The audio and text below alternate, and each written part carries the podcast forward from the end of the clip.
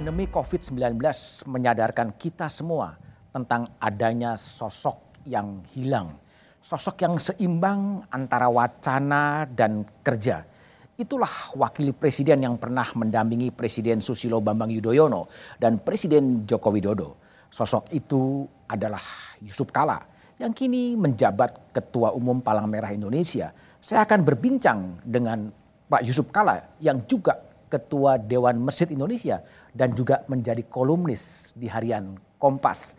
Selamat malam Pak Yusuf Kala. Selamat malam, Rabut. Ya, kabar baik Pak. Banyak rindu dengan Bapak. Terima kasih, sama-sama. Oke, baik Pak Yusuf Kala. Saya ingin teringat ya ketika Pak Yusuf Kala pada 5 Februari bertemu dengan sejumlah pemimpin hmm. redaksi ya sebagai ketua umum Palang Merah Indonesia kemudian Pak Yusuf Kala pada waktu itu menitipkan kepada pemimpin redaksi satu box masker dengan catatan ini bakal jadi barang langka dan kemudian terjadi pandemi dan kemudian betul menjadi barang langka. Jadi Pak Yusuf Kala sudah melihat pada 5 Februari bahwa kali ini menjadi pandemi Pak ya. Ya, setelah membaca dan mengamati apa yang terjadi waktu itu cuma di Cina kan, hmm. uh, di Wuhan. Sejak akhir Januari kita di PMI sudah membicarakan bahwa ini akan risiko uh, akan terjadi penularan uh, ke Indonesia karena dekat dengan Cina. Karena itu kita harus siap menghadapi itu. Uh, karena itu kita mengundang Anda waktu itu tanggal 5 hmm. untuk Februari. menjelaskan apa yang akan terjadi? Ya Februari setelah itu kita saya jelaskan pada waktu itu akan terjadi ini nanti. Uh, dan uh, penyebaran. Karena itu uh, bilang ini anda butuh masker nanti nanti. Hmm. karena ini barang langka ini uh, uh, nanti. Uh, dan kan betul kan setelah itu hanya uh, satu bulan setelah satu itu bulan. mencari masker susah. Untuk okay. saya kasih anda semua satu box satu orang. Tapi itu mengerti mengatakan bahwa kita dengan data yang ada sudah memperkirakan akan terjadi uh, ke bahaya ini. Artinya Pak Yusuf Kala bahwa memang uh, pemerintah sedikit agak uh, lambat ya mendeteksi bahwa apa uh, COVID ini akan menjadi pandemi seperti sekarang. Ya sebenarnya pemerintah mengetahui juga akan risiko ini walaupun menafsirkan bahwa ini tidak berbahaya, hmm. hanya kurang berbahaya hmm. dengan menganggapnya seperti flu biasa dan sebagainya dan dapat uh, segera sembuh sendiri. Nah, kan semua uh, penafsiran itu, pengertian itu, langkah-langkah itu uh, sama yang terjadi di Amerika, sama yang terjadi di Eropa, menganggap enteng masalah, hanya timbulnya baru dipahami setelah uh, menular banyak gitu kan. Nah itu akibatnya susah di uh, dikendalikan.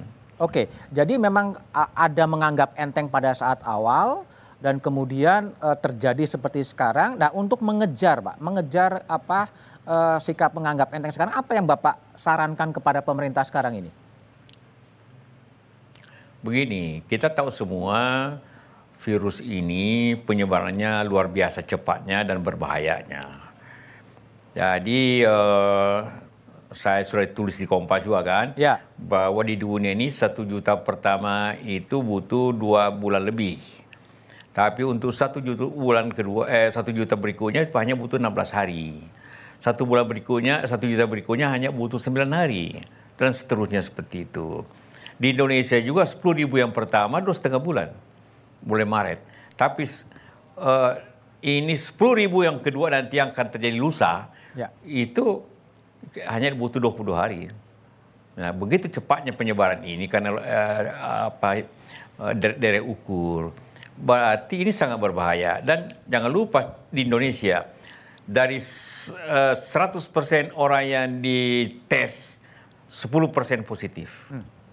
Dari 10% positif itu 7 yang meninggal. Itu jangan lupa itu. Begitu resiko tinggi yang terjadi uh, akan terjadi seperti ini. Jadi kalau menurut artikelnya Pak JK itu kan ada segitiga ya. Bertahan, orang itu tidak ya. apa, tidak keluar rumah, menyerang dengan membersihkan kota dengan ya. disinfektan dan kemudian garda ter, garda ya. belakang itu adalah tenaga-tenaga kesehatan yang harus diperhatikan. Apakah kemudian kebijakan-kebijakan ya, pemerintah sekarang sudah sesuai dengan bayangan Pak JK yang artikelnya dimuat di Kompas? Ya, uh, prioritas pertama justru yang terjadi di pengobatan. Uh, jadi kita sibuk dengan segala macam cara itu penting memang sangat berjasa itu para dokter kita. Tapi sebenarnya untuk mengurangi beban dokter rumah sakit, maka di depan yang harus lebih aktif yaitu masyarakat sendiri harus disiplin, harus uh, taat aturan, harus cuci tangan, harus jaga jarak.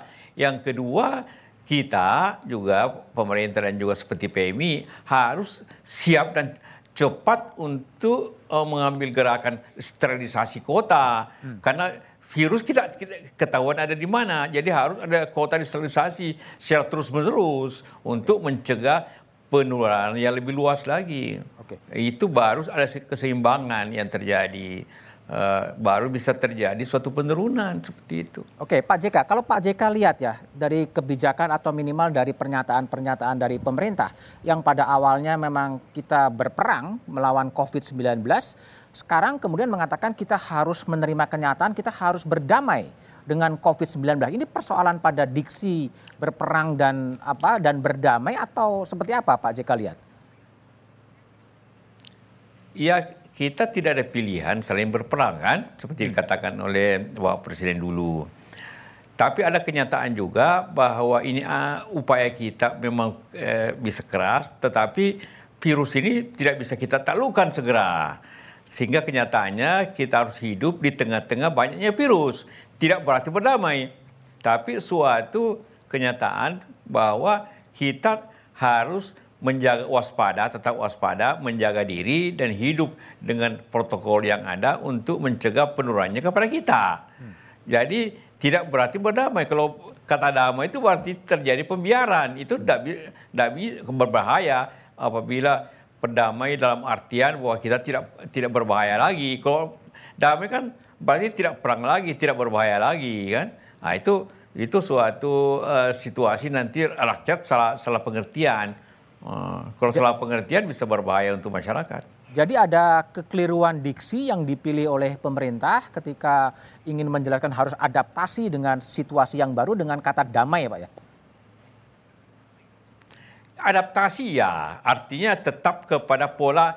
Kalau dulu kita pergi di kantor, kemudian ramai-ramai pakai masker, orang bingung ada apa nih. Hmm. Nah, sekarang sebaliknya, kalau Anda tidak pakai masker, kenapa tidak pakai masker? Nah, contohnya seperti itu. Itu kehidupan baru, itu norma baru yang harus berjalan. Mungkin sampai dua tahun kita harus begini sampai diketemukan dia punya uh, vaksin.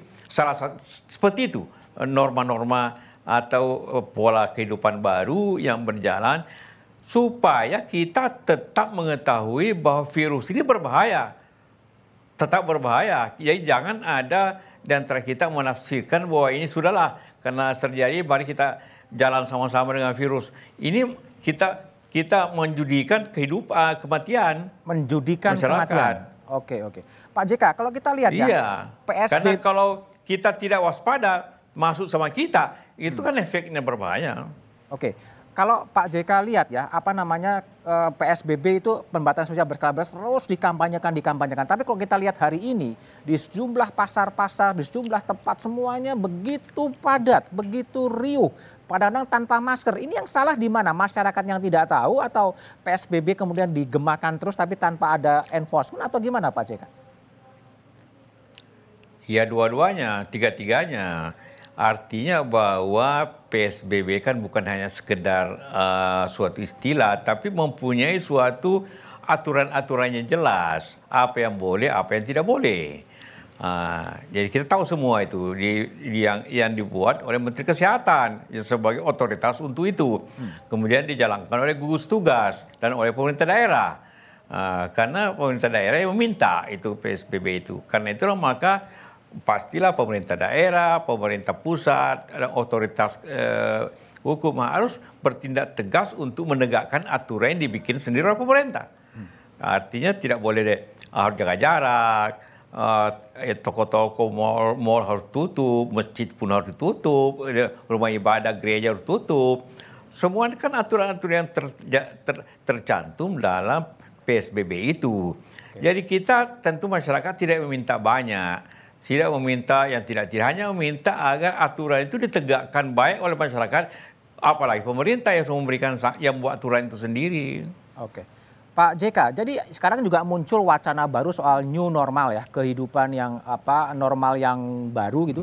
Kalau menurut pandangan Pak JK, apakah new normal hmm. ini memang uh, mengarah kepada relaksasi dan karena tekanan-tekanan ekonomi yang cukup berat, atau sebetulnya apa? Dan apakah masyarakat juga sudah paham dengan istilah new normal? Tapi jawabannya jawaban Pak JK setelah jeda berikut ini.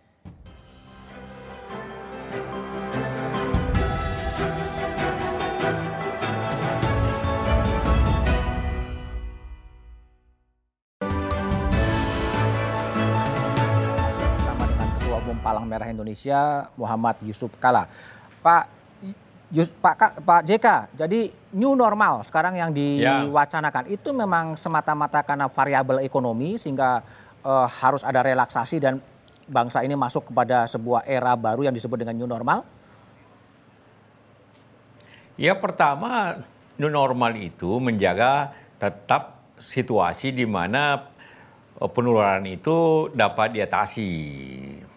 Kedua tentu juga suatu efek uh, harus dijalankan untuk orang aktif lagi di beberapa bidang ekonomi. Contohnya gini, seperti saya jelaskan tadi, uh, Anda mungkin dua tahun harus hidup dengan pakai masker. Oke. Okay. Dua tahun hidup dengan uh, jaga jarak uh, sebelum efektif ini vaksin kan. Kemudian uh, dan lain-lainnya kehidupan seperti itu. Uh, di rumah banyak, di kantor yang bisa uh, rapat pakai uh, Zoom saja.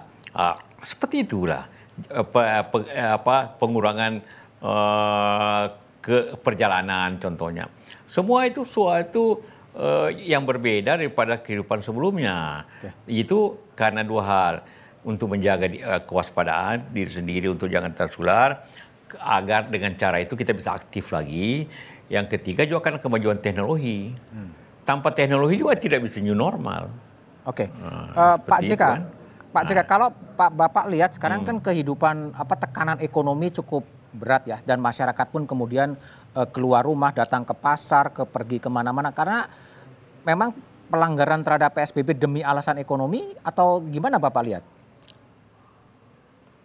Kalau kita lihat situasi terakhir ini, uh, tentu orang tinggal di rumah hampir dua bulan juga itu bosan. Bosan. Begitu dia lihat ada keterbukaan, dia ke ke pasar, ke pasar, ke mall. Ada hubungannya juga karena mendekati Lebaran ya. Hmm. Jadi orang belanja sesuatu yang mungkin. Tapi ini juga pertama kalau kita lihat ya awalnya disebabkan oleh karena pemerintah memberikan signal bahwa adanya suatu keterbukaan baru, adanya pelonggaran oh. dengan uh, pesawat terbang boleh, hmm. uh, pakai bus boleh, kereta api jalan. Itu kan berarti membuka keterbukaan. Sebelumnya kan dilarang semuanya kan. Oke. Okay. Nah, begitu dibuka, orang masyarakat menganggap seperti itu, maka kemudian orang hidup, orang uh, terbuka seperti itu. Oke, Pak JK. Jadi ini ada dua sisi. Satu sisi adalah COVID-nya yang juga belum selesai, sisi ikutannya adalah ekonomi. Sebetulnya ini bagaimana dikelola? Apakah memang ya. harus dipilih A dan B terlebih dahulu atau mau dikompromikan sebetulnya? Ini teori sebab akibat. Ekonomi krisis seperti ini akibat adanya corona kan? Ya. COVID ini. Jadi apa pun yang kita buat tanpa menyelesaikan uh, virusnya, COVID-nya, tidak bisa berdampak positif di ekonomi. Karena orang ada kengganan, ketakutan, tidak ada penghasilan, adanya dan juga akibat globalisasi. Jadi yang berubah juga nanti new normal itu kehidupan globalisasi akan berkurang. Artinya gini orang Pak. akan menjaga diri. Pak JK, artinya, hmm. artinya apakah memang kemudian hmm. uh, COVID-nya yang harus ditangani dulu dan ekonominya di nomor dua kan? Atau gimana menurut pandangan seorang Yusuf Kala? Oh COVID-nya harus diutamakan, karena ini penyebab. Jadi ke apa pun usaha ekonomi, kalau virusnya masih berjalan, orang masih berjatuhan, orang masih banyak rumah sakit, oh, maka sulit eh, hidup ekonomi karena dasarnya ketakutan dan perasaan itu. Jadi ini semuanya harus secara uh, prioritas. Kemudian pada tahapnya uh, ada tahapan normal baru Artinya Pak JK bahwa kemudian ada tahapan di mana uh, artinya gini, apakah kemudian eh, gagasan-gagasan soal relaksasi hmm. ekonomi, pelonggaran PSBB akan memberikan agar ekonomi bisa hidup itu sebetulnya tidak sepenuhnya tepat ketika penyebabnya itu belum belum belum belum selesai ya Pak ya? Walaupun kita mau tidak akan jalan. Katakanlah uh, apa yang hilang sekarang? Karena orang tinggal di rumah, daya beli hilang, pendapatan tidak ada. Mau uh, ekspor negara lain krisis juga, tidak membeli sesuatu. Ekspor kita turun, otomatis otomatis impor juga turun. Uh, akhirnya ekonomi seperti tahu sisa 2 persen. Mungkin saja kuartal kedua berikutnya bisa saja uh, lebih turun lagi, bisa negatif. Oh, seperti negara-negara lain. Nah kalau itu maka uh, apa pun usaha kita menstimulus ekonomi tidak akan jalan sampai apabila kita tidak selesaikan penyebabnya. Dan secara bertahap kemudian orang kembali uh, bekerja, ekonomi akan hidup bertahap dengan prioritas. Uh, katakanlah prioritas pertama ya industri supaya ada apa pertanian berjalan. Nah, baru kemudian tahap yang berikutnya bisa rumah makan dulu, bioskop tutup. Jadi ada prioritas-prioritasnya uh, uh, untuk melihat seperti itu sesuai dengan penurunan daripada uh, COVID-nya. Oke. Pak JK, jadi kan sekarang dari uh, COVID yang itu menyebabkan PHK dan lain sebagainya dan kemudian menimbulkan masalah-masalah sosial ya. Nah ini kan pemerintah juga kemudian agak hmm. agak was-was ketika kemudian orang ini lapar dan orang lapar ini kemudian bisa juga kemudian menjadi amarah. Nah bagaimana mengelola ini Pak? Kalau ini juga masalah sosialnya tidak diperhatikan. Itulah fungsi daripada uh, bansos atau BLT. Hmm. Karena itulah pemerintah harus menyiapkan dan sudah menyiapkan di anggaran 2020 dan 2021 BLT atau bansos yang cukup untuk rakyat yang kecil, yang kurang mampu, yang di PHK ataupun uh, usahanya tidak jalan sehingga dia bisa hidup uh, hidup uh, yang pantas dulu.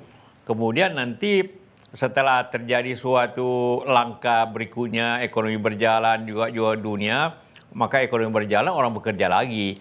Ya, mesti ada langkah-langkah yang eh, teratur, schedule yang teratur yang dibuat seperti itu. Tapi utamanya menurunkan dulu uh, penyebaran ini. Walau karena ini syaratnya baru bisa kalau ini turun. Ini sekarang naik, masih naik. Masih naik. Hari ini kan 690. 690. Ya. Oke. Okay. Yang baru. Ya, 690. Uh, jadi malah malah top ini. Malah. Uh, ini ini akibat karena makin banyaknya lab. Makin banyaknya lab ya, oke. Okay. Ya. Pak JK, Mak kalau kita ini jangan lupa dari sejak Ya Pak, jadi ini uh, Bapak sebagai ketua Dewan Masjid Pak, soal panduan soal uh, hmm. sholat Id ya, sholat, sholat Id ketika nanti Idul Fitri. Ini gimana petunjuk dari uh, seorang Pak Yusuf Kala sebagai ketua Dewan Masjid, apakah memang sholat Id seperti tetap seperti dulu-dulu dirada di lapangan atau di masjid atau gimana Pak? Ini kan keadaan darurat. Dia yang dipakai bukan uh, hukum biasa, tapi hukum darurat. Hmm. Kalau hukum darurat semua bisa. Jadi karena itulah kita tahu semua kemaslahatan umat lebih nomor satu daripada yang lainnya. Uh, ibadah itu bahwa di mana-mana Tuhan mengetahui di mana kita berdoa, di mana kita salat, tidak perlu di lapangan, di masjid, di mana-mana Tuhan tahu kita berada dalam keadaan darurat begini. Kemaslahatan umat yang pertama, jangan kita mencelakakan diri sendiri dan mencelakakan orang lain, itu hukumnya dalam agama. Karena itulah maka karena yang berlaku hukum darurat, maka daruratnya ialah di rumah jangan berkumpul bahwa ada uh, di di terminal banyak orang, di mall mungkin ada orang, itu kan salah. Jangan pula rumah ibadah, masjid dan gereja mengikuti hal yang salah. Hmm. Ya, jangan pula seperti di Korea penyebaran uh, virus yang banyak itu dari kebaktian gereja. Jangan pula kayak di Iran bahwa penyebaran yang banyak itu dari di kom di uh, tanah sucinya orang uh, Syiah. Jadi sama-sama di rumah ibadah terjadi penyebaran apabila tidak dikontrol. Oke. Jangan seperti itu. Oke, baik Pak, Pak uh, Muhammad Yusuf Kala telah bergabung di satu meja di forum. Saya tahu Pak Yusuf Kala setelah ini masih ada acara lain. Terima kasih Pak Yusuf Kala. Selanjutnya kita akan bahas uh, new normal dengan sejumlah narasumber yang akan hadir pada segmen berikutnya. Terima kasih Pak Yusuf Kala.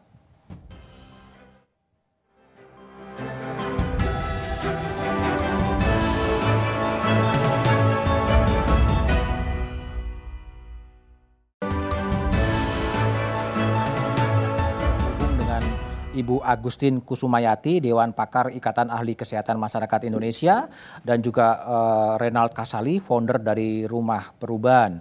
Uh, nanti akan bergabung uh, bersama kami, bersama saya adalah Gubernur Jawa Timur Kofifah Indar Parawansa.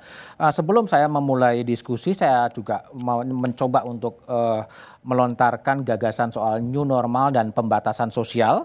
Kalau kita merujuk kepada WHO, memang uh, apa pelonggaran pembatasan sosial itu baru bisa dilakukan kalau memang ada penurunan kasus 50% selama tiga pekan, lalu kemudian 80% kasus diketahui data kontaknya dan klasternya, lalu kemudian penurunan jumlah kematian selama tiga pekan, Lalu kemudian yang keempat adalah penurunan jumlah pasien di rumah sakit selama dua pekan dan adanya penurunan kematian penderita pneumonia. Nah, itu adalah syarat-syarat pelonggaran pembatasan sosial versi WHO. Saya ingin mengkonfirmasikan kepada Ibu Agustin Kusumayati, Dewan Pakar Ikatan Ahli Kesehatan Masyarakat Indonesia, apakah sekarang sudah saatnya untuk melonggarkan PSBB itu, Bu? Ya, Mas Budiman, kalau kita melihat tadi yang baru saja Mas Budiman sampaikan, syarat untuk mulai bisa melonggarkan PSBB ya tampaknya sekarang ini kondisi kita masih belum kondusif ya untuk mulai melonggarkan. Kalau kita lihat saja angka kejadian kita masih dalam kalau kurva itu bentuknya seperti gunung itu masih dalam tahap menanjak kita masih naik begitu hmm. itu satu itu baik uh, kasus barunya maupun uh, kematian juga masih nanjak terus walaupun yang sembuh juga nanjak hmm. yang kedua sebetulnya juga harus dipertimbangkan adalah kemampuan dari fasilitas kesehatan okay. uh, setiap upaya untuk melonggarkan psbb itu pasti ada lonjakan-lonjakan kejadian kasus karena kan pelonggaran PSBB berarti meningkatkan risiko penularan. Nah, bagaimana fasilitas kesehatan itu mampu menangani lonjakan-lonjakan kasus tersebut? Sekarang saja fasilitas kesehatan kita masih, kalau bisa dibilang masih kelabakan ya. Okay. Kita ada tambahan-tambahan fasilitas, masih melibatkan banyak relawan. Itu artinya kita masih uh, additional effort lah sebetulnya untuk menangani kasus ini. Okay. Nah, yang ketiga itu adalah kemampuan surveillance, Mas. Bagaimana kemampuan surveillance kita itu mampu mengidentifikasi dengan cepat dan tepat kalau ada kasus dan penularan dan kemudian mampu mengatasi atau mengisolasi uh, kasus tersebut.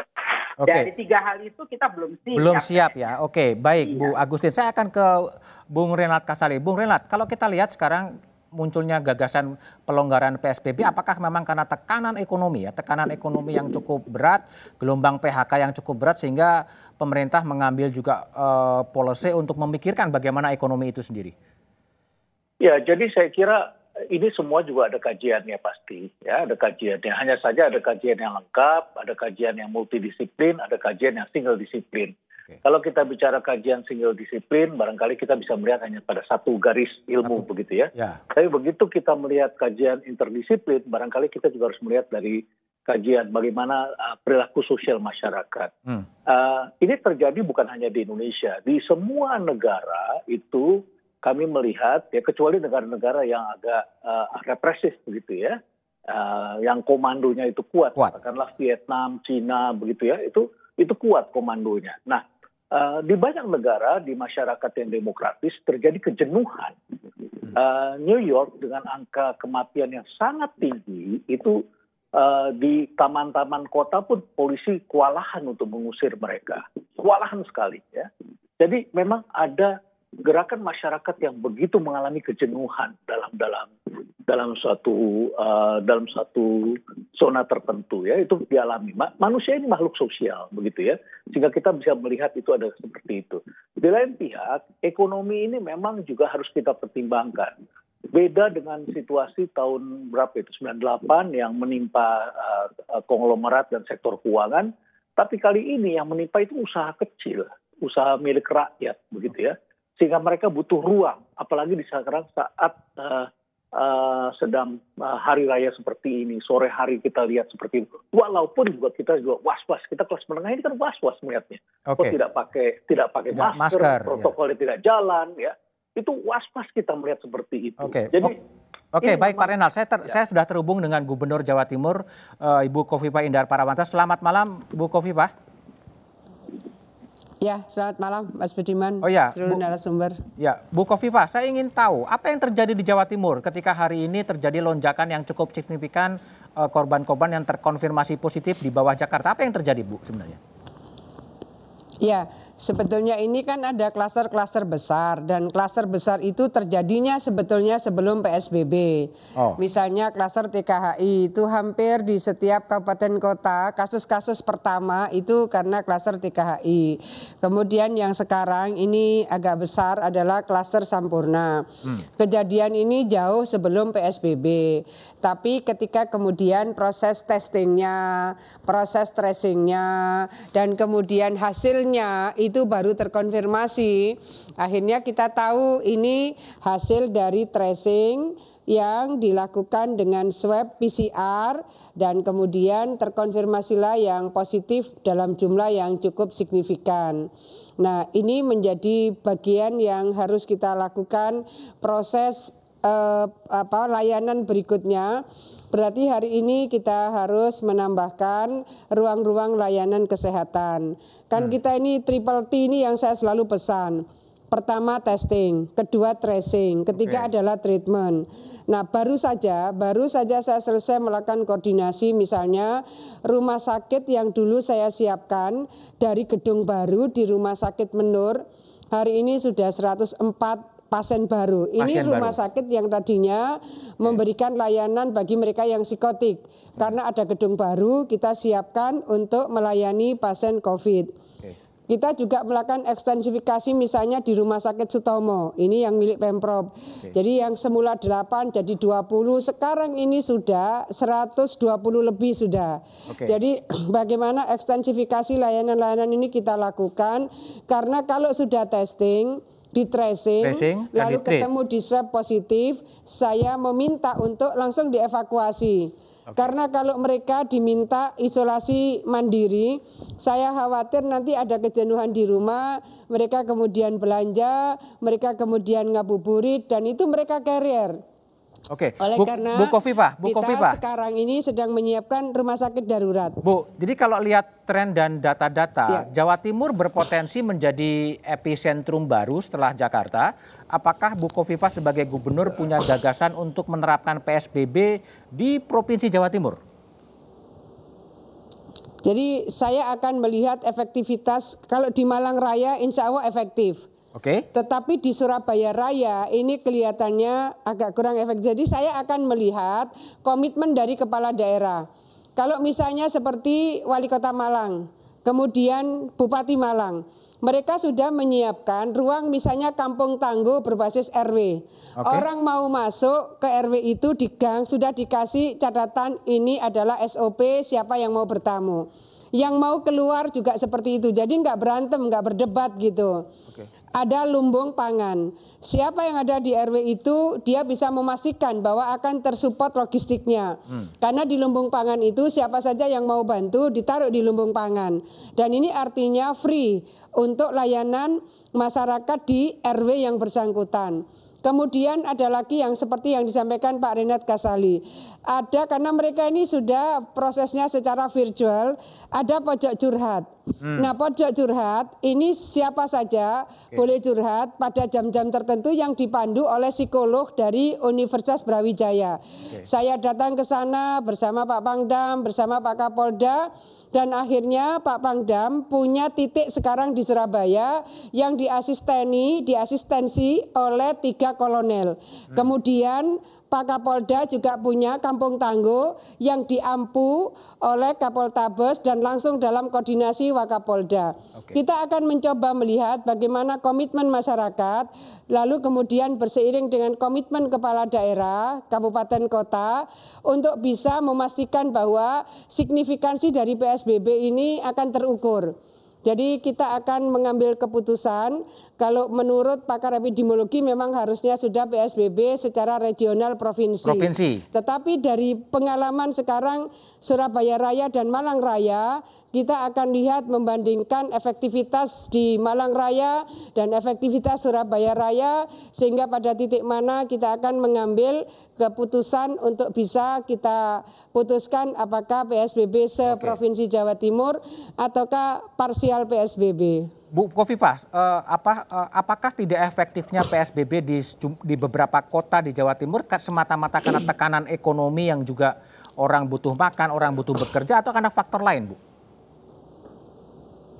Uh, begini, sebetulnya ketika kita punya regulasi, pasti kita membutuhkan law enforcement. Oke. Okay. Efektivitas dari law enforcement akan sangat menentukan kedisiplinan siapa saja yang harus mentaati, mematuhi dari regulasi yang sudah diputuskan. Nah, misalnya kita pernah melakukan patroli berskala besar. Jadi gugus tugas Pemprov bersama Pak Pangdam bersama Kapolda kita melakukan patroli berskala besar betapa sesungguhnya uh, mungkin ya waktu itu sudah merasa 14 hari di rumah. Jadi kafe-kafe ramai sekali. Hmm. Kita turun dengan membawa tim tenaga kesehatan APD lengkap, kemudian kita melakukan rapid test di beberapa titik. Oke. Okay. Ya satu dua hari mungkin efektif, tapi kalau tidak ada proses law enforcement, misalnya adalah okay. satpol pp, kemudian dengan regulasi yang ada diberilah ini disegel, ini peringatan tertulis.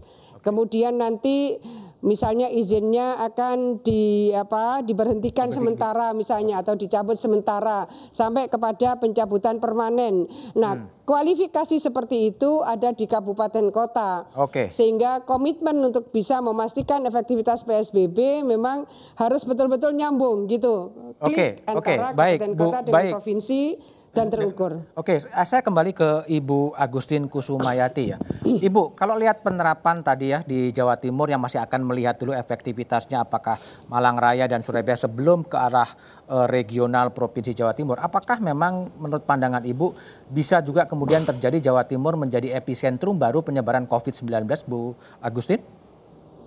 Uh, bisa, kalau melihat situasinya, kalau tidak dilakukan PSBB secara efektif dengan disiplin itu memang ada risiko menuju ke arah sana. Apalagi kalau kita lihat perkembangan uh, jumlah kasus yang terkonfirmasi ya, walaupun itu juga karena uh, laboratorium kita juga semakin kuat. Jadi memang kita membutuhkan uh, tindakan yang cepat dan disiplin untuk uh, mencegah uh, penyebaran yang uh, lebih masif begitu ya. Artinya kalau Bu Agustin, kalau gagasan apa new normal atau relaksasi eh, PSBB di Jawa Timur belum bisa diterapkan sekarang ya sebetulnya? Um, ya kita mesti melihat situasi. Uh, saya memandang dari sudut public health-nya ya, dari kesehatannya. Itu satu pertimbangan yang betul-betul harus kita uh, apa namanya kita lihat karena memang seperti tadi juga disebutkan oleh Pak Yusuf Kala, itu penyakit ini adalah sebab dari uh, masalah yang timbul sebagai ikutannya. Jadi kita memang harus serius ke sana. Kalau melihat situasinya memang uh, harus sangat berhati-hati untuk menentukan apakah akan mulai melakukan relaksasi begitu. Oke, baik. Saya ke Pak Renat Kasari lagi. Bu Pak Renat, tadi kan ada pendekatan yang memang single disiplin dari sisi kedokteran, tapi Pak Renat menawarkan pendekatan yang multidisiplin, multi keilmuan. Nah, dalam kasus seperti sekarang, apakah ekonomi, apakah penyelamatan nyawa manusia itu harus dipilih N or A atau B, atau memang sesuatu yang bisa dikompromikan sebetulnya? Kalau menurut hemat saya itu nyawa manusia jelas nomor satu. Oke. Okay. Uh, semuanya pasti berpikir ke sana, ya tetapi data juga tentu saja harus dibaca dengan penuh kehati-hatian. Nah, dari satu kajian yang saya baca dari Fakultas Ekonomi, itu menunjukkan bahwa orang-orang yang usia di bawah 45 tahun bisa untuk segera masuk kembali bekerja. Itu hmm. statement dari dari Ketua para ekonom tugas. gitu okay. ya. Nah, mereka melihat seperti itu. Itu satu. Yang kedua, uh, kalau kita bicara ekonomi, ekonomi juga tidak sepenuhnya sebetulnya juga mati Hmm. Jadi saya misalnya bicara dengan uh, uh, sebuah uh, usaha retail, gitu ya. Usaha retail ini yang dibuka ini terutama adalah yang retail yang ada unsur makanannya. bagaimana yang bahan bangunan, bagaimana yang lain-lain. Mereka masih bisa jualan dengan menggunakan uh, online. online. Hmm. Ya, itu itu jelas itu. Mereka mengatakan penurunannya hanya sekitar 10 sampai 30 atau 40 persen. Masih ada kehidupan ya. Nah, yang tidak ada kehidupan itu adalah usaha kecil. Mereka jual makanan di sekitar gedung-gedung perkantoran. Itu habis. Mereka tidak dapat di situ. Nah, mereka perlu mencari cara. Kalau mereka di bawah sekali, itu bantuan sosial, ya. Bantuan sosial, kemudian keterlibatan masyarakat, modal sosial, itu semuanya ikut di dalamnya itu. Nah, saya kira yang barangkali terjadi ini sekarang adalah peristiwa budaya. Peristiwa budaya yaitu menjelang Hari Raya Idul Fitri dan okay. orang ngabuburit tadi yang disebut oleh Bu Kofifa. Bu Kofifa ditambah lagi dan kepenatan masyarakat. Ini harus hmm. dicari jalan keluarnya. Hmm. Tadi salah satunya adalah law enforcement. Salah satunya ya, tapi tentu saja bukan bukan segala-galanya. Oke. Okay.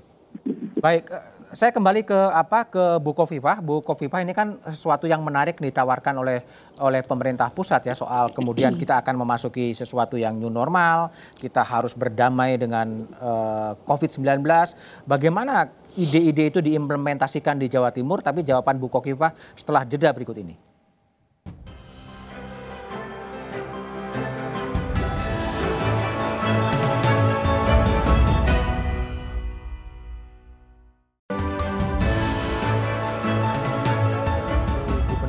Jawa Timur, Ibu Kofifah Indar Parawansa. Bu, bagaimana implementasi atau mengkonkretkan gagasan new normal yang dihadirkan oleh pemerintah pusat di Jawa Timur? Pertama, paling simpel dari hasil riset beberapa lembaga yang dikonfirmasi ke tim kuratifnya di Pemprov itu kira-kira kalau masyarakat menggunakan masker secara disiplin okay. itu sudah akan memiliki efektivitas hmm. terhadap 60% kemungkinan tertular. Tertular. Tinggi sekali kan? Artinya bahwa wajib pakai masker. Okay. Termasuk di dalamnya adalah masker kain. Hmm. Ini harus terkomunikasikan kepada masyarakat. Keluar rumah wajib, wajib, wajib. Dulu kan dihimbau, dihimbau, dihimbau. Ekonomi, Satu. Bu. Kedua, wajib Nah, sekarang ekonomi. Pasar ini sebetulnya dari awal koordinasi saya dengan Kadin, dengan Apindo, kemudian dengan Pangdam, Kapolda untuk bisa mencari format uh, solusi di pasar tradisional. Perdagangan tetap jalan dan masyarakat yang bisa apa belanja juga tetap ada aksesnya, tetapi mereka sama-sama terlindungi. Nah, pertama adalah yang saya ajak koordinasi dengan Dinas Perindak Kabupaten Kota, meskipun sekarang juga belum semua, tetapi kita sudah bisa melihat misalnya di Kota Malang 26 pasar hmm? tradisional di Kota Malang sudah menggunakan format ganjil genap. Oke. Okay. Jadi kalau sekarang tanggal 20 genap yang jualan, okay. besok tanggal 21 ganjil yang jualan. Okay. Itu artinya physical distancing Jalan, sudah akan ya? berjalan di pasar. Kemudian pintu masuk akses ke pasar dibatasi supaya bisa ditermalkan, supaya kemudian mereka bisa cuci tangan sebelum masuk ke pasar. Okay. Sekarang yang saya minta adalah pastikan mereka menggunakan face shield. Kalau face shield jadi mereka akan tertutup kemungkinan ada percikan di titik-titik yang lain. Okay. Nah, pola-pola ini kalau misalnya diikuti dengan SOP protokol kesehatan yang relatif bisa terkawal, kok rasanya proses perdagangan ini akan berseiring akan dengan tetap terlindunginya kesehatan masyarakat. Oke, oke, baik. juga di beberapa titik ya. Bu Gubernur, saya baik. kembali ke sebentar waktunya agak terbatas ke Prof Renat Kasali. Prof Renat, ya. Apakah yeah. kemudian sektor-sektor ekonomi betul-betul dalam posisi yang memang uh, berat sekali atau memang ada sektor ekonomi yang kemudian juga bisa tumbuh dari situasi yang seperti sekarang? Ini selalu plus minus. Jadi ada sektor yang memang sangat lumpuh dan sangat dirugikan, yaitu pertama adalah transportasi. Okay. Yang kedua adalah yang berhubungan dengan pariwisata, apakah itu hotel, apakah itu perjalanan, ya, uh, rekreasi, hiburan, itu semua kena itu. Okay. Ya. Jadi uh, kemudian juga manufacturing itu juga bahan bakunya tidak ada, kapal tidak masuk, itu juga mereka terancam. Ya, jadi terancam uh, gulung tikar dibayar tinggal 50 persen, 25 persen, PHK itu sudah sudah real sebetulnya. Kemudian juga orang yang bekerja yang tidak bisa memperoleh penghasilan itu juga terjadi. Tapi juga ada sektor yang diuntungkan, pasti hmm. ada sektor yang diuntungkan. Yang diuntungkan adalah mereka yang satu ya yang pertama sudah mempersiapkan diri di bidang kesehatan tertentu, kesehatan online ya. Di bidang marketplace tertentu, tidak semua ya, tidak semua. Ada juga yang masih bakar uang tentunya ya. Nah, tentu saja di sini ada yang diuntungkan. Kemudian dalam hal tertentu adalah yang menyangkut soal teknologi. Ini juga masih bisa diuntungkan. Atau turun barangkali tidak terlalu banyak. Makanan itu tidak mengalami penurunan yang signifikan. Jadi tetap ada sektor-sektor yang masih hidup. Dan juga masih ada lagi bidang-bidang yang akan tumbuh karena tidak dikenal sebelumnya. Industri kesehatan menurut saya masih ada uh, uh, tempat luang yang juga belum dilihat oleh uh, oleh kalangan kesehatan sendiri jadi masih ada hal-hal yang akan muncul dari dari Kalau satu isu yang ikutan dari pandemi ini adalah isu PHK, isu banyak orang yang kemudian tidak punya pekerjaan dan berpotensi ini bisa menciptakan masalah sosial baru. Saran Anda gimana, Prof. Renat, untuk mengatasi kemungkinan potensi terjadinya kerawanan-kerawanan sosial? Jadi memang negara ini harus memberikan banyak sekali insentif agar usaha ini bisa mempunyai ruang nafas ya. Dan saya kira sebagian besar sudah dijalankan. Relaksasi dalam PPH begitu ya. Dalam keringanan-keringanan tertentu itu sudah banyak diberikan oleh oleh pemerintah. Jadi sekarang yang yang jadi masalah ini adalah sumber pendapatannya. Hmm. banyak yang tidak di, uh, tidak menemukan. Karena masyarakat ini adalah kembali ke rumahnya masing-masing jadi kegiatan ekonomi yang seharusnya ada di perkotaan atau kegiatan ekonomi karena masyarakat berkantor begitu ya itu hilang gitu di situ oleh karena itu memang salah satu relaksasi, relaksasi itu harus dilakukan dengan penuh kehati-hatian. Oke, satu pertanyaan terakhir, Prof, Prof Renat. Ini ya. sebaiknya bansos dalam bentuk sembako atau sebenarnya BLT aja langsung dalam bentuk cash? Oh, menurut saya lebih baik memang BLT langsung uh, dalam lebih cash. efisien. Oke. Okay. Ya, lebih efisien, lebih baik begitu kelihatannya. Meskipun problemnya di dana ya. Oke, saya ya. ke Bu Bu Agusin. Bu Agusin, kira-kira ini uh, apa uh, apa yang harus diwaspadai ya dalam konteks semua konsentrasi kepada Covid? Apakah kemudian akan ada masalah-masalah lain di bidang kesehatan? Ya, um, kita memang harus fokus untuk secepatnya bisa menurunkan angka kejadian COVID karena uh, dia juga punya masalah apa imbas terhadap masalah kesehatan okay. selain juga masalah ekonomi. Kan kita ingin cepat segera recover ya. Hmm. jadi mesti fokus sekali. Nah salah satu cara untuk bisa menyelesaikan ini adalah dengan melibatkan seluruh masyarakat dengan memberdayakan masyarakat. Istilahnya adalah perang akar rumput ya melawan covid ini. Nah kalau kita tidak segera maka akan segera ada juga korban yang lain. Misalnya sekarang ini penderita penyakit yang lain itu sudah menghindari datang ke fasilitas kesehatan. Okay. Maka kita menunggu ini munculnya masalah baru yang akibat dari tidak datangnya penderita penyakit itu ke fasilitas. Misalnya penderita tuberkulosis tidak kontrol, hmm. penderita HIV tidak kontrol, Ginjal. ibu hamil tidak kontrol, anak tidak imunisasi nah itu ada banyak sekali masalah kesehatan lanjutan yang bisa kita uh, uh, apa namanya alami okay. oleh karena itu kita mesti sama-sama uh, bergotong royong ya pemerintah juga menyatakan mari kita atasi covid ini secepatnya okay. supaya kita juga bisa segera melakukan recovery di bidang ekonomi. Oke. Okay. Kalau kita sudah sehat kan kita juga cepat bisa bergerak gitu ya untuk uh, recover uh, recovery di bidang ekonomi. Oke, okay, baik Bu Agustin, terima kasih Prof Renat dan Ibu Kofifa Indar Parawansa, makasih telah bergabung di satu meja The Forum. Perang melawan COVID-19 adalah perang semesta. Dibutuhkan keterlibatan semua pihak di akar rumput agar bangsa ini bisa memenangkan perang melawan COVID-19.